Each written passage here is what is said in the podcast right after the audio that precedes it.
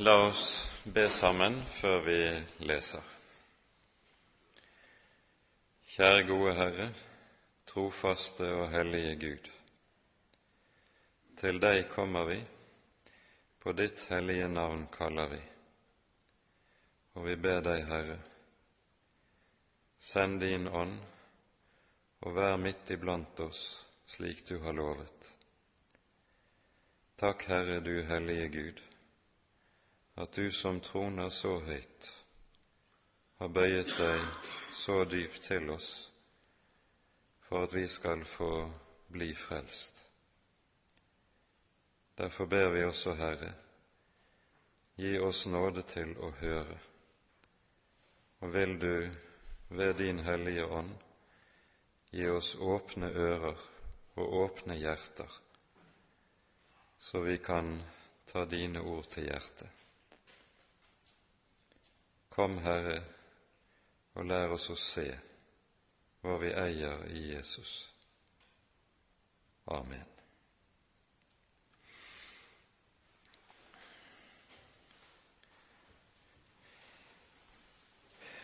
Vi skal altså i kveld ha, ta for oss siste delen av kapittel åtte. Det betyr at vi nå skal stanse opp for avsnittet som begynner med vers 28, og leser så ut kapittelet. Og vi leser dette nå innledningsvis. Vi vet at alle ting tjener dem til gode som elsker Gud, dem som etter Hans råd er kalt. For dem som Han forut kjente, dem har Han også forutbestemt til å bli likedannet med Hans Sønns bilde, for at Han skulle være den førstefødte blant mange brødre. Og dem Han forutbestemte, dem har Han også kalt, og dem Han kalte, dem har Han også rettferdiggjort, og dem Han rettferdiggjorde, dem har Han også herliggjort. Hva skal vi da si til dette? Er Gud for oss, hvem er da imot oss? Han som ikke sparte sin egen sønn, men ga ham for oss alle hvorledes skal han kunne annet enn å gi oss alle ting med ham? Hvem vil anklage Guds utvalgte? Gud er den som rettferdiggjør. Hvem er den som fordømmer? Kristus er den som er død, ja, hva mer er, som også er oppstanden, som også er ved Guds høyre hånd, som også går i forbønn for oss. Hvem vil skille oss fra Kristi kjærlighet? Trengsel eller angst eller forfølgelse eller hunger eller nakenhet eller fare eller sverd? Som skrevet er, for din skyld drepes vi hele dagen, vi er regnet som slaktefår. Men i alt dette vinner vi mer enn seier ved Ham som elsket oss. For jeg er viss på at verken død eller liv, verken engler eller krefter, verken det som nå er, eller det som komme skal, eller noen makt, verken høyde eller dybde, eller noen annen skapning skal kunne skille oss fra Guds kjærlighet i Kristus Jesus, vår Herre. Amen.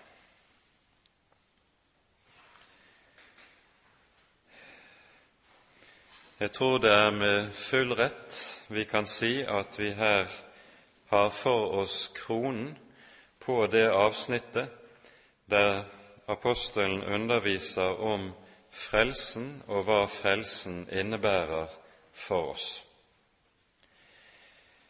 I sammenheng med dette kan det kanskje være av betydning særlig å peke på det som vi har vært inne på tidligere i dette kapittelet, nemlig i vers 15 og i vers 16, der det er tale om frelsesvissheten.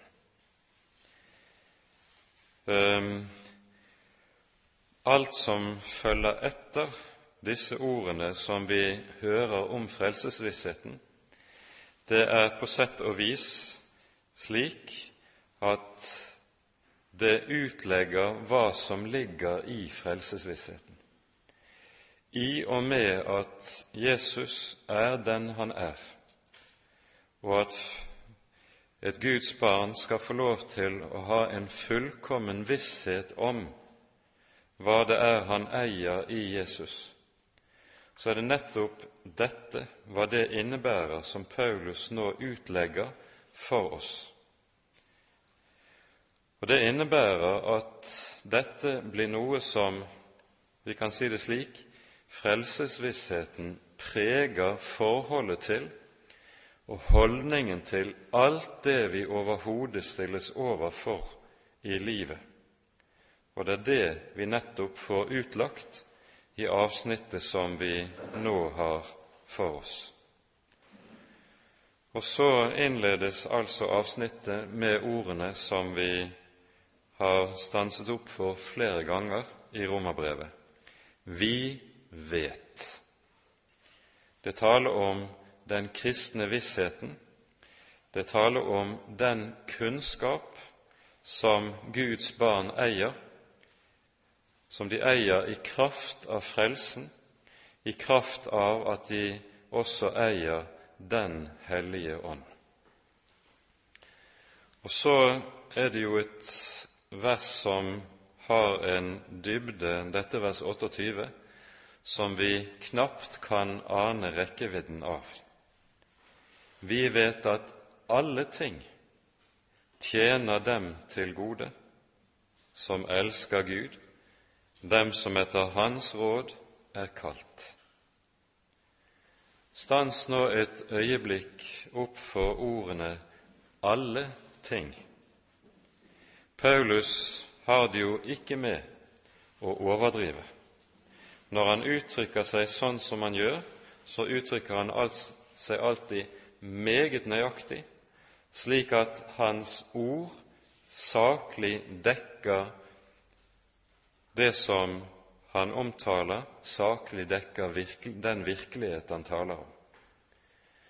Alle ting tjener dem til gode som elsker Gud. Her kunne vi minne om flere, en rekke ord som vi finner ellers i Skriften, i Salmenes bok. Kanskje vi særlig kan minne om ordene som Jobb ytrer, og som vi også ble minnet om ved sist søndags tekstlesning, når Jobb møter an den første anklagen i møte med ulykken som har rammet ham, en anklage som kommer til ham gjennom hans hustru, så svarer han, skal vi bare ta imot det gode av Herrens hånd, ikke også det onde? Han vet at begge deler skal han få lov til å ta imot av Herrens hånd. Og så står det også i kapittelet før Herren ga, Herren tok, Herrens navn være lovet. Vi hører at Jobb til å begynne med tar ulykkene som rammer ham, på den måten som Paulus her også taler om det. Han vet at også dette tjener dem til gode som hører Herren til. Og Derfor kan han ta det på denne måten som han gjør det. Det er først når Jobbs venner kommer til ham etterpå og vil prøve å trøste ham, at det går galt for Jobb. Jobbs venner vil nemlig trøste ham med at de vil så å si finne en årsak til ulykken som har rammet ham. De mener at det vil være lettere å forholde seg til ulykken hvis man så å si kan forstå hva det er som har skjedd. Hvorfor skulle dette ramme meg? Og de har et ganske bestemt svar på dette spørsmålet hvorfor. Jo, det er fordi det må være en eller annen skjult synd hos deg som Gud vil straffe. Og så er det altså en anklage som ligger i dette, og denne anklagen begynner Jobb å forsvare seg imot. Han er seg ikke bevisst noen synd, og han forsvarer seg ganske panisk etter hvert, for å bruke et slikt uttrykk, mot vennenes anklage. Og det er jo slik med oss rent menneskelig fungerer vi sånn at selvforsvar det fører veldig fort ut i selvrettferdighet. De to tingene ligger hverandre meget, meget nær. Og dette, dette ser vi også skje hos Jobb. Når han forsvarer seg selv, så bikker det over hos ham i egenrettferdighet, og egenrettferdigheten fører til at han begynner å anklage Gud. Det er altså en dårlig trøst Jobbs venner kommer med. Det som eh, vi lærer i vårt avsnitt, det er dette grunnleggende at selv det aller vondeste som kan ramme et menneske, det tjener det til det beste dersom det hører Herren til. Det tjener til vårt gagn. Paulus har vært inne på dette tidligere i Romerbrevet i kapittel 5, som eh, der vi leste fra vers 3 til 4. Det står det vi roser oss av våre trengsler, for vi vet på ny dette vi vet, at trengslene virker. Og så hører vi at nettopp det som er vondt og smertefullt i livet, det har en bestemt virkning på et kristent menneske. Gud arbeider igjennom dette på et kristent menneskes hjerte. Det tjener til helliggjørelse, til gagn. Men vi ser det ikke mens det står på. Det er en annen sak. Det er i tråd med denne sannhet at David kan synge, som vi hører det i Salme 31, alle mine tider er i din hånd. Du forløser meg, Herre, du trofaste Gud. Alle tider, det betyr både gode dager og onde dager. Salme 31 er en rik kilde til trøst med tanke på det som vi her har for oss. Og kanskje vi også skulle minne om ordene i Salme 34, der det står slik:" Mange er den rettferdiges ulykker, men Herren utfrir ham av dem alle. Dette er Guds måte å stelle med sine på. Vi var inne på forrige gang korset og korsets betydning i en kristens liv. Og så er det dette Paulus drar konklusjonen av i vårt vers. Det tjener dem til gode. Vi skal kanskje, når vi leser dette uttrykket 'til det gode', minne om to andre viktige ord i Skriften til akkurat denne saken. For det første fra Jesaja-boken 37. kapittel, unnskyld, 38. kapittel, vers 17, der vi hører kong Hiskia lovsynge Gud etter at han har vært dødssyk, og så sier han bl.a. i denne lovsangen:" til fred ble meg det bitre, ja, det bitre. For kjærlig kastet du mine synder bak din rygg. Nettopp at det bitre virker til fred for Guds barn, det er uttrykk for den samme sannhet som vi her står overfor. Og jeg tror vi også skal peke på ordene i Hebreabrevets tolvte kapittel, der eh, det tales om også trengselens betydning i et kristent menneskes liv.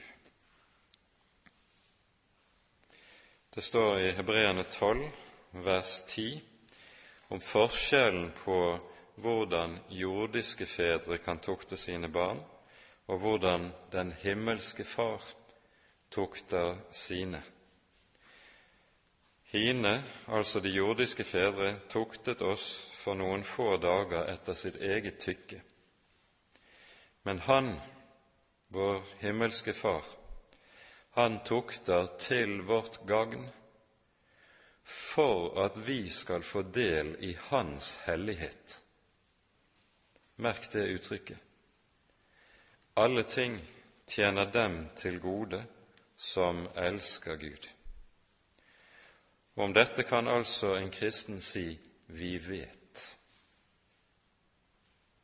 Dette gir en frimodighet i forhold til også de smertefulle og tunge ting som kan ramme oss i livet.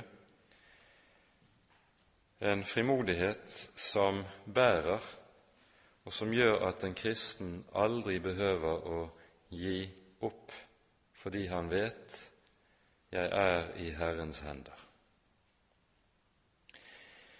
Nå er det også sånn at dette vers 28 i Romane 8 har voldt mange kristne vansker, fordi det står 'alle dem som elsker Gud'.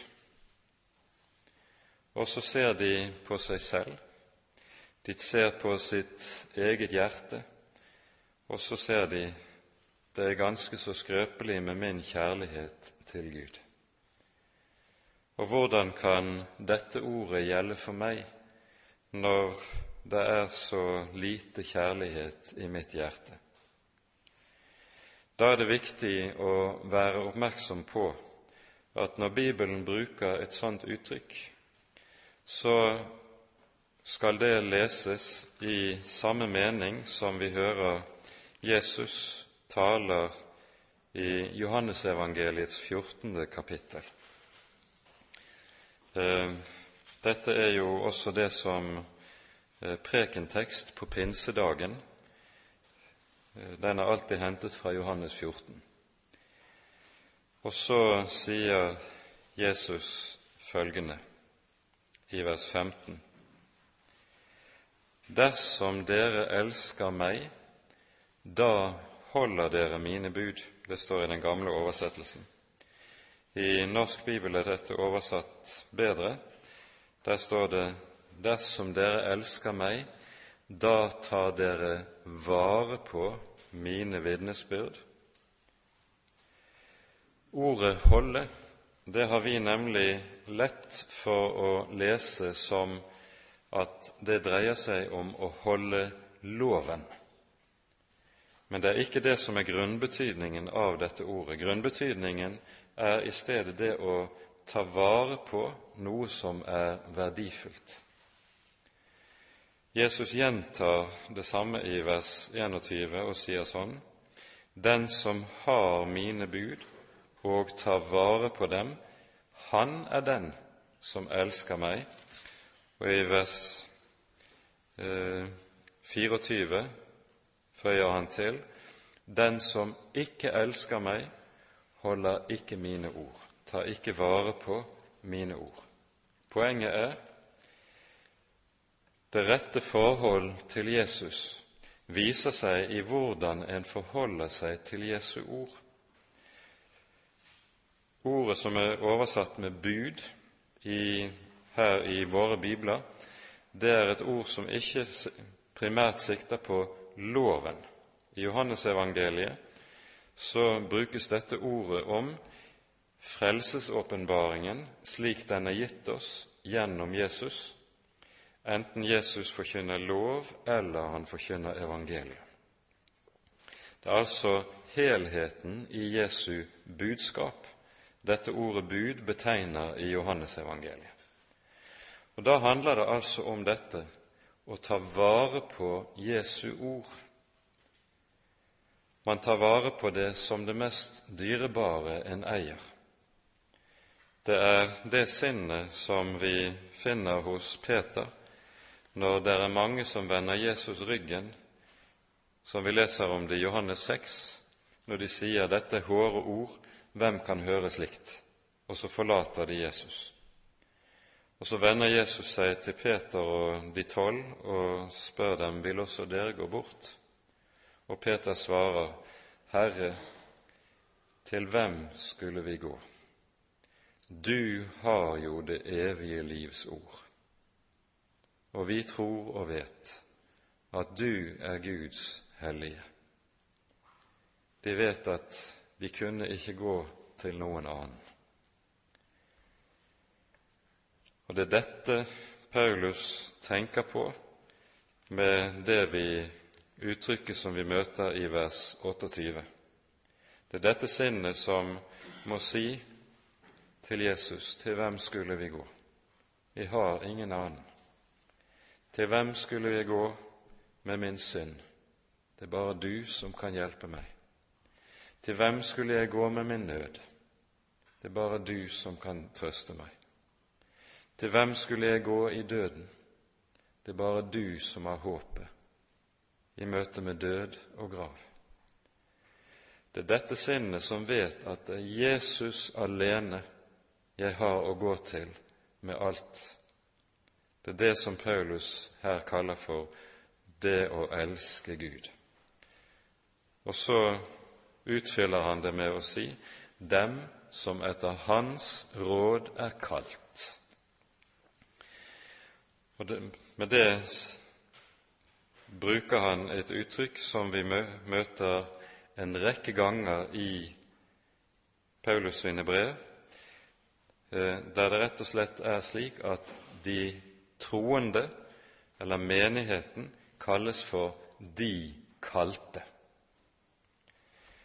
Det er et uttrykk som betegner ikke bare de som har hørt Guds kall, men også har tatt imot dette kallet. Og ved at de har hørt og tatt imot, hører de Herren til. Så kommer det et avsnitt vi nå hører. Det sies at de som etter Hans råd er kalt. Det er altså Gud som i sitt råd har kalt sine barn, og så hører vi i vers 29 og vers 30 om at dette Guds råd handler om at Gud fra evighet av, før verdens grunnvoll ble lagt, har utsett, kalt, bestemt de som hører Jesus til, at de skal eie det evige liv, de skal være hans barn.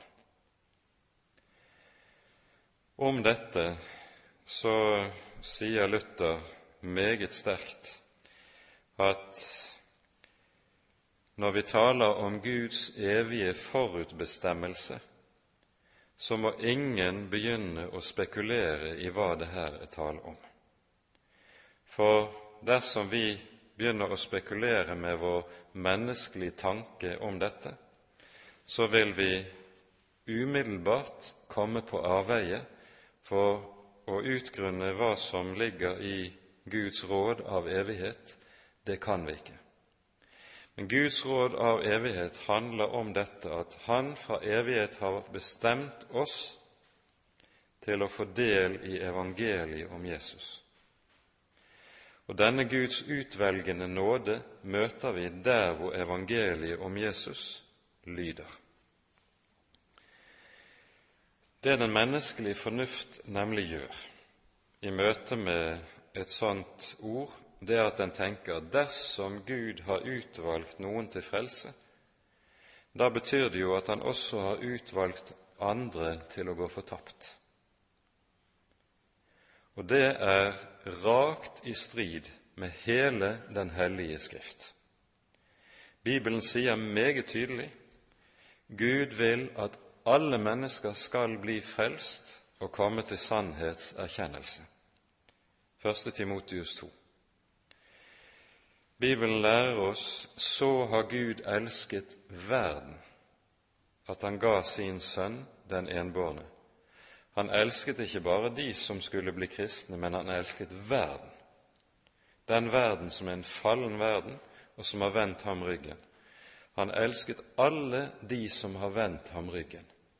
Gud har ikke forutbestemt noe menneske til å gå fortapt. I teologihistorien så møter vi denne tanke at det er en såkalt dobbelt forutbestemmelse. Calvin lærer bl.a. dette, at Gud har forutbestemt noen til å bli frelst og andre til å gå fortapt. Og det har han bestemt fra evighet av. Noe slikt kan man ikke komme til uten å gjøre vold på helt sentrale bibeltekster. Poenget når Paulus underviser om dette slik som han gjør, så er det at frelsen aldri er noe som ligger i din og min hånd. Alt det som skjer når jeg blir et frelst Guds barn, det er noe som utvirkes av Gud, uten at jeg samvirker på noe som helst måte med Gud i dette. Og Derfor ser vi i vers 29 og 30 hvordan det er Gud som er subjekt i alt som skjer. Frelsen er ikke et samarbeid mellom Gud og menneske. Og Dette gjelder på dobbelt måte. For det første gjelder det i selve frelsesverket. Jesus fullbyrder en fullkommen frelse alene, uten hjelp eller medhjelp fra noe menneske. Men det gjelder også i frelsestilegnelsen, og det er meget avgjørende å være oppmerksom på.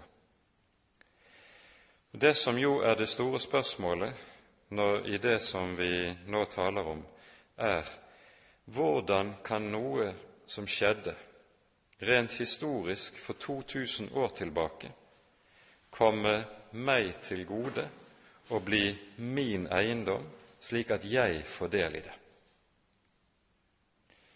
Ja, lærer en del retninger, det blir ditt dersom du bestemmer deg for det, dersom du overgir deg selv til Gud, osv som eh, Billy Graham sa det i forbindelse med en møtekampanje som gikk over hele Europa for 30-35 år tilbake. Han hadde forkynt rikt og godt om Jesu frelsesverk på korset. Og så sier han følgende Nå har Jesus gjort sitt, nå må du gjøre ditt. Og Det betyr, betyr at han mener nå må du ta en bestemmelse. Du må bestemme deg for Jesus. Nå må du overgi ditt liv til Jesus, slik at dette kan bli ditt. Med andre ord er det slik at frelsestilegnelsen, det blir min gjerning. Men dette er i strid med Det nye testamentet. For heller ikke frelsestilegnelsen er noe som står i min hånd. Også frelsestilegnelsen er noe som står i Guds hånd. Du skal vite, det er ikke sant når det sies 'Nå har Jesus gjort sitt, nå må du gjøre ditt'. Jesus har nemlig ikke gjort sitt, han har gjort mitt. Det er det første vi skal vite. Når Jesus dør på korset, så gjør han ikke sitt, han gjør mitt. Stedfortredende gjør han overfor Gud alt det jeg skulle ha gjort, og som jeg ikke er i stand til å gjøre. Og for det andre å bli et frelst Guds barn handler ikke om at jeg skal gjøre mitt. Men Gud virkeliggjør frelsen gjennom et ord som Han sender. Og dette ordet har det med seg, det har en virkekraft i seg, at når dette ordet når inn til et hjerte, så blir et menneske frelst ene og alene ved å høre ikke ved å gjøre. Det er derfor Paulus sier i innledningen til romerbrevet evangeliet er en Guds kraft til frelse. Den fullkomne frelsen som ble virkeliggjort på Golgata, kraften av denne frelse, den er nedlagt i et bestemt budskap som lyder til oss og dette budskapet har den makten i seg at når du lytter til det, og ikke bevisst viser det fra deg, så frelses, frelses du ved budskapet. Troen kommer av hørelsen. Evangeliet er en Guds kraft til frelse. Guds ord er levende og virkekraftig. Skriften er jo full av slike utsagn som taler om hvorledes Gud virkeliggjør sin gjenfødende og frelsende gjerning gjennom Ordet. Derfor er det altså slik at frelsestilegnelsen det er heller ikke noe som er din og min gjerning, men det er noe som virkeliggjøres av Gud og han virkeliggjør det gjennom nådemidlene. Han virkeliggjør det gjennom Ordet, som er det grunnleggende nådemiddel, dernest gjennom de to andre nådemidler, dåpen og nadværen, som er synlige ord.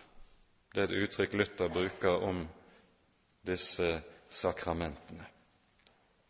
Frelsens kraft ligger i dette. Og Derfor består det å være en kristen i helt enkelt å bruke nådens midler.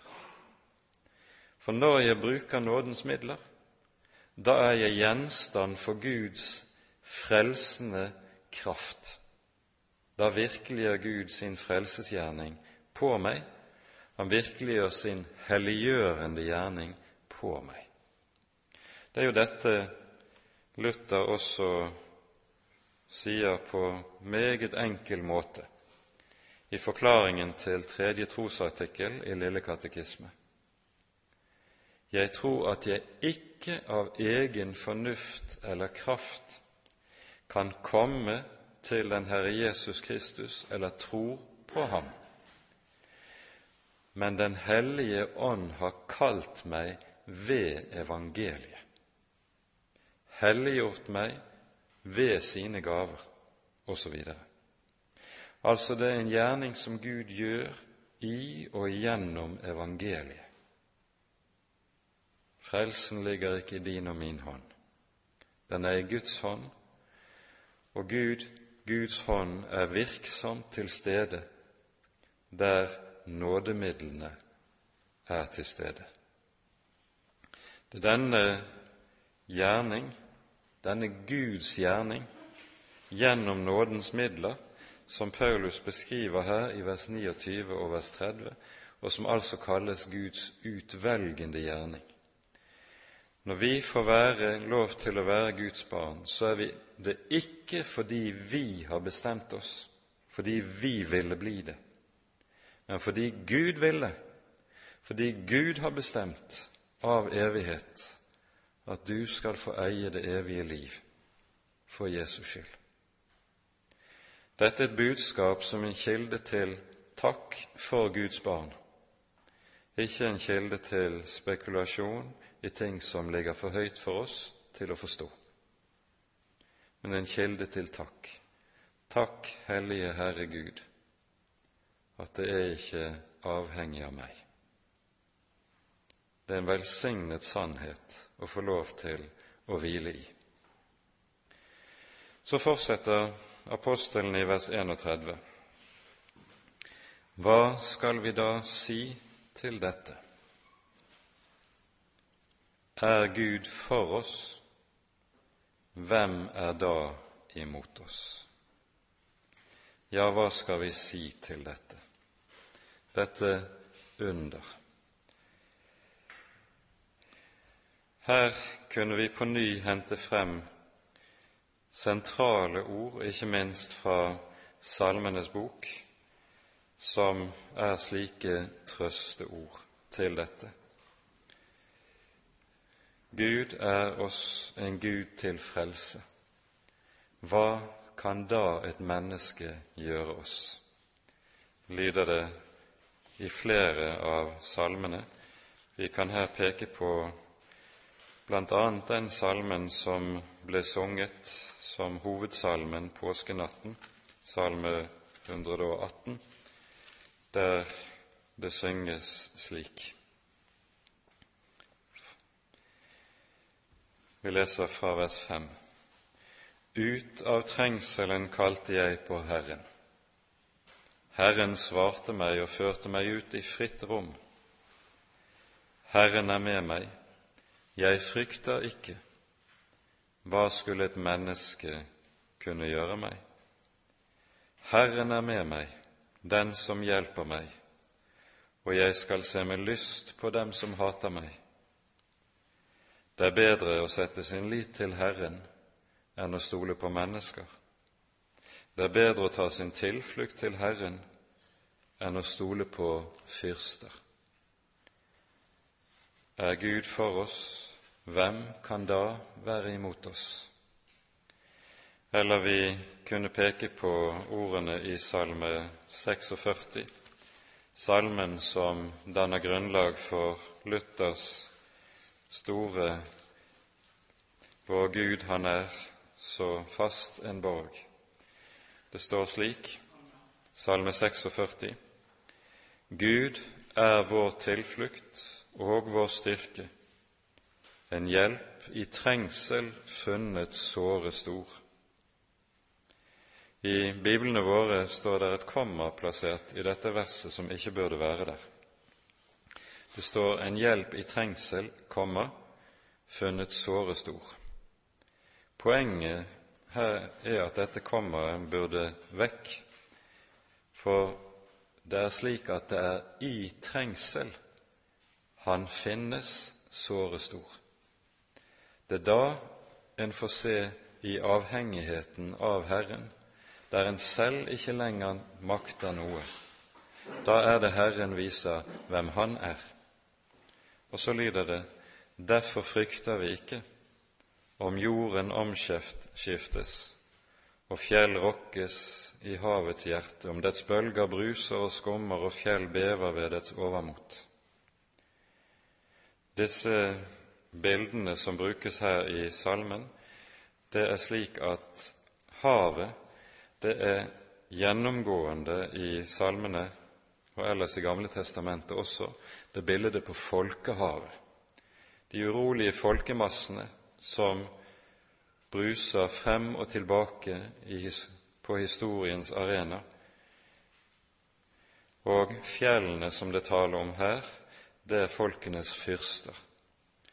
De rokkes når havets bølger bruser, som vi hører det her, men Guds folk frykter ikke. Derfor frykter vi ikke. Dette sier noe om hvordan Guds barn skal forholde seg til historiens store omskiftelser og katastrofer og vansker. Derfor frykter vi ikke. Det som er spørsmålet vi skal stille oss i møte med et sånt ord, er Gud for oss, hvem er da imot oss? Det er er det i det hele tatt noe som kan være farlig for et Guds barn? Det er bare én ting som er farlig for et Guds barn. Det er å komme bort fra Jesus. Intet annet er farlig i ordets egentlige forstand. Og Det betyr at en kristen kan rammes av de tyngste ting og likevel vite er Gud for meg, så er selv dette ikke farlig. Vi må også legge til når det gjelder dette verset, at dette henger sammen med ordene i Jesaja 7 om Immanuel. Derfor skal Herren selv gi dere et tegn. Se, en jomfru skal bli fruktsommelig og føde en sønn, og hun gir ham navnet Immanuel. Et av Jesu navn Det gamle testamentet lærer oss jo at Messias skulle bære en rekke ulike navn, navn som alle utsier vesentlige ting om hvem han er, og hva hans gjerning er. Navnet Immanuel betyr nettopp Gud med oss, noe som, når det ble talt i datidens situasjon, var et under. Et under fordi det som kunne forventes for Guds folk sin del i den situasjonen, var ikke at Gud var med dem, men at Gud var mot dem, slik som de hadde stelt seg. Og likevel så kommer løftet om en frelser som bærer navnet Gud med oss. Det er fordi Jesus bærer dette navn, at vi også kan lese, som vi gjør det her, er Gud for oss, hvem kan da være imot oss? Samtidig skal vi også understreke at den motsatte sannhet gjelder like sterkt. Er Gud mot oss, hvem kan da være for oss? Om et menneske har aldri så mye medgang, er aldri så rik, er aldri så sterk, har aldri så mange på sin side, er han uten Herren, er Gud imot ham, så vil intet av dette gagne ham.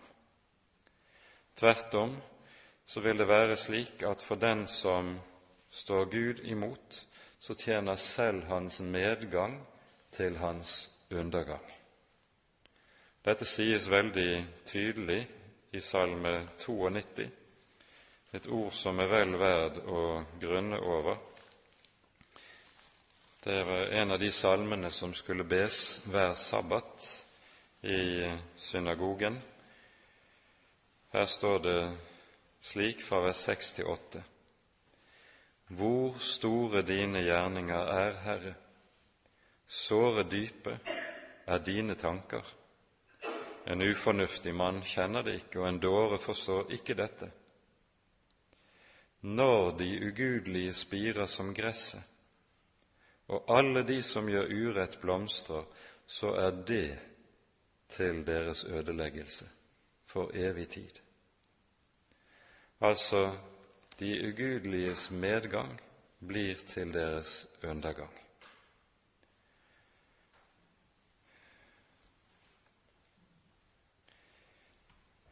Det vi leser her i vers 31 i Romane 8, det hviler på det som er sentralverset i hele dette avsnittet. Vers 32 Han som ikke sparte sin egen sønn, men ga ham for oss alle, hvorledes skulle han kunne annet enn å gi oss alle ting med ham?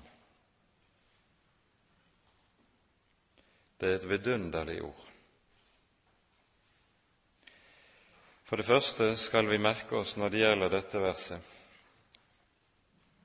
at slik som Paulus her formulerer seg, så er formuleringen hentet fra Første Mosebok 22, der vi hører om befalingen om å ofre Abraham skal ofre Isak, og så får Abraham høre etterpå fordi du ikke sparte din sønn, din eneste. Så, så kommer det stadfestende løftet som Abraham får del i. Abraham behøvde ikke å fullbyrde offeret. Men det Gud har gjort, det er at han nettopp har fullbyrdet det offer som Abraham ble spart for å fullføre. Han sparte ikke sin egen sønn. Og Tenk nå igjennom hva som ligger i dette. I åpenbaringsboken så vil vi se i det femte kapittelet at han som er selve sentrum i den himmelske verden, det er lammet, lammet som ble slaktet. Der står at omkring ham står alle englenes myriader. På ham er Guds øyne rettet. Ham, dette lam, er det englenes lovsang dreier seg om gjennom alle evigheter. Han som er selve sentrum i himmelen, han er det Gud ikke sparer, men gir i syndere sted for at du og jeg skal bli spart. Vi som ikke har gjort noe annet enn Gud imot. Vi ble spart, mens Han som var den fullkomne, den rettferdige, den hellige, den elskede, han ble gitt. Han ble ikke spart. Og når Gud har gitt så mye for vår skyld, hvordan skal han da kunne annet enn å gi oss alt annet med ham?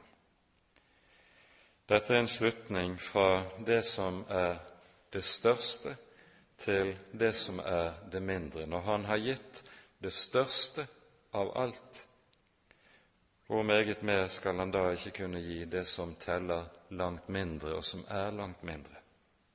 Hvordan skulle Han da kunne gi oss alt annet enn å gi oss alt annet med ham, sammen med ham.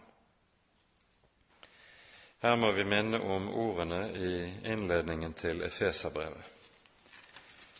Her står det slik i vers 3, Efeserne 1,3.: Lovet være Gud og vår Herre Jesu Kristi Far, Han som har velsignet oss med all åndelig velsignelse i himmelen i Kristus. En kristen er usigelig rik.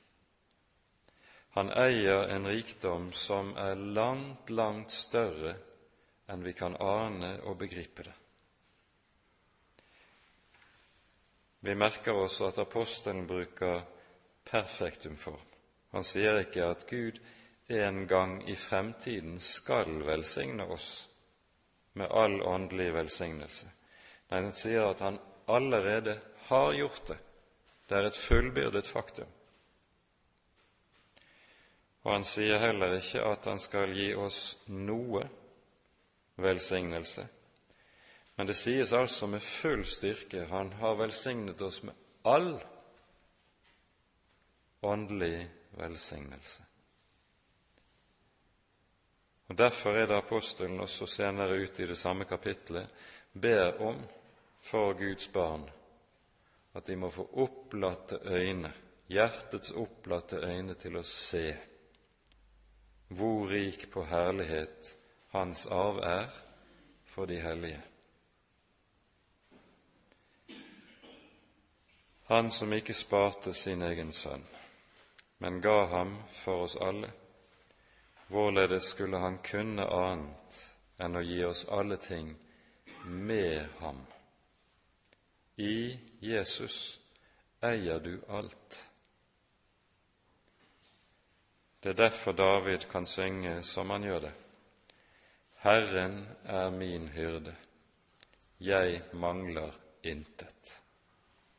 Salme 23 kan du godt se på som en utleggelse av det som vi hører i dette verset. Og Så kommer da fortsettelsen i versene som følger. Hvem vil anklage Guds utvalgte? Gud er den som rettferdiggjør. Når Gud rettferdiggjør, da kan ingen anklage duge, ingen anklager stille opp. Det er på denne bakgrunn vi leser i åpenbaringsbokens tolvte kapittel om hvorledes anklageren, slangen, djevelen, er kastet ut fra sitt høye sted, kastet ned. Og så sies det om Guds barn i dette kapittelet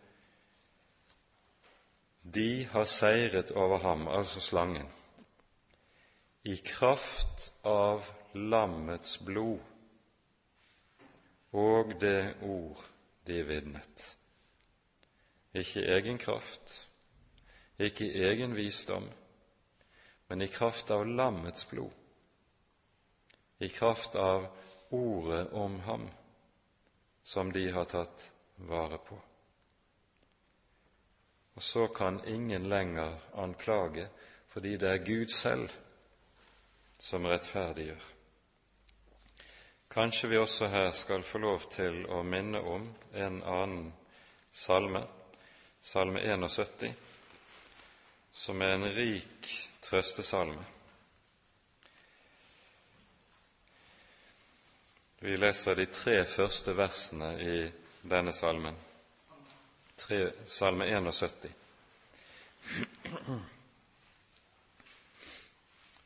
Til deg, Herre, setter jeg min lit. La meg aldri i evighet bli til skamme. Utfri meg og redd meg ved din rettferdighet. Bøy ditt øre til meg og frels meg. Vær meg en klippe til bolig, dit jeg alltid kan gå, du som har fastsatt frelse for meg for du er min klippe og min festning. Legg merke til først det som står i vers 2.: Utfri meg og redd meg ved din rettferdighet. Altså ikke ved min rettferdighet, ikke på grunnlag av noe jeg er i meg selv, i min kristendom, hva det måtte være. Utfri meg og redd meg ved din rettferdighet. For Guds rettferdighet er en fullkommen rettferdighet. Ved den utfrir Han.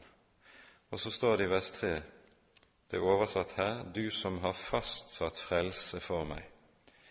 Bokstavelig står det i grunnteksten, du som har befalt frelse for meg.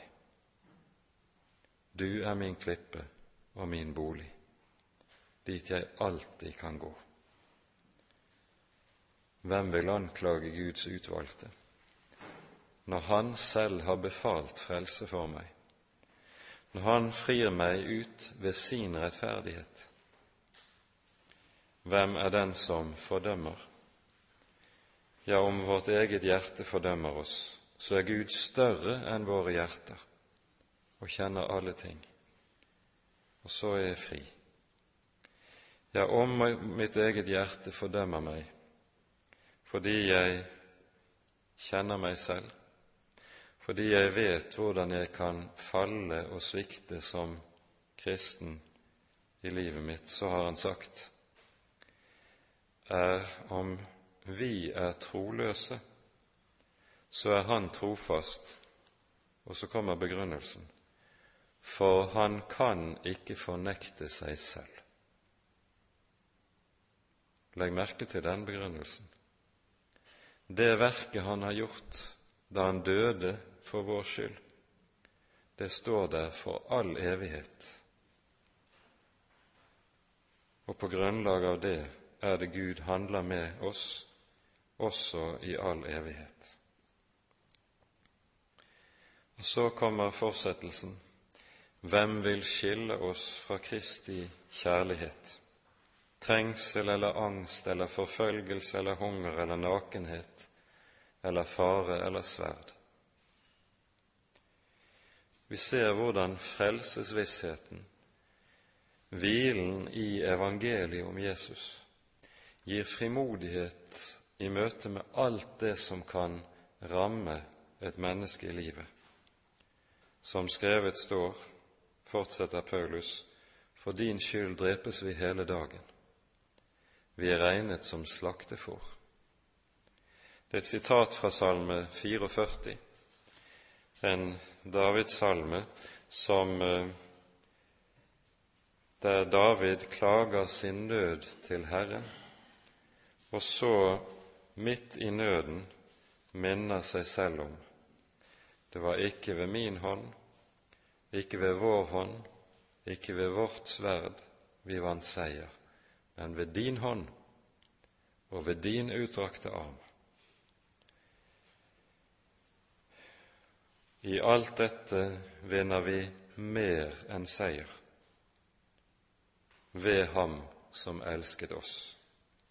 Og så kommer det i vers 38.: For jeg er viss på, på ny denne visshet, denne forunderlige frimodighet. Jeg er viss på at verken død eller liv, verken engler eller krefter, verken det som nå er, eller det som komme skal, hvordan det enn skal ytre seg, eller noen makt, verken høyde eller dybde eller noen annen skapning, skal kunne skille oss fra Guds kjærlighet i Kristus Jesus, vår Herre. Jesus sier i Johannes 10.: Mine får hører min røst, og de følger meg, og jeg kjenner dem, og ingen kan rive dem ut av min hånd. Min Fader som har gitt meg dem, er større enn alle, og ingen kan rive dem ut av Faderens hånd. Slik taler Jesus. Slik taler Jesus og det er på dette grunnlaget at apostelen også kan skrive Han som begynte en god gjerning i oss, han skal fullføre den inntil Jesu Kristi dag. Og Dette hviler i og hviler på dette som vi leser i Hebreabrevet kapittel 9, og vi slutter med det. vers 24. For Kristus gikk ikke inn i en helligdom som var gjort med hender, og bare var et bilde av den sanne, men han gikk inn i selve himmelen, for nå å åpenbares for Guds åsyn for vår skyld. Og så sies det tidligere i Hebreabrevet, det syvende kapittel, han lever der for Guds trone i himmelen, for å gå i forbønn for oss.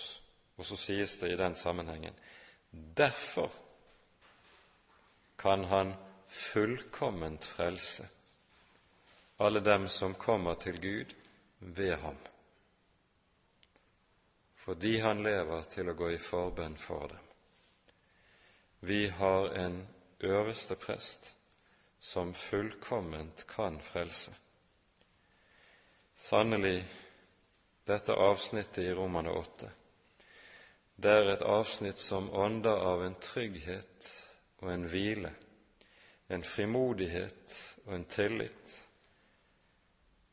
som har sin rot i at Jesus er den han er,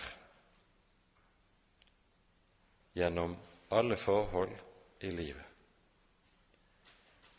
Og så handler det om for vår del å minnes om dette for at vi må lære å regne med ham. ikke med oss selv. Ære være Faderen og Sønnen og Den hellige ånd, som var og er og være skal, en sann Gud høylovet i evighet. Amen.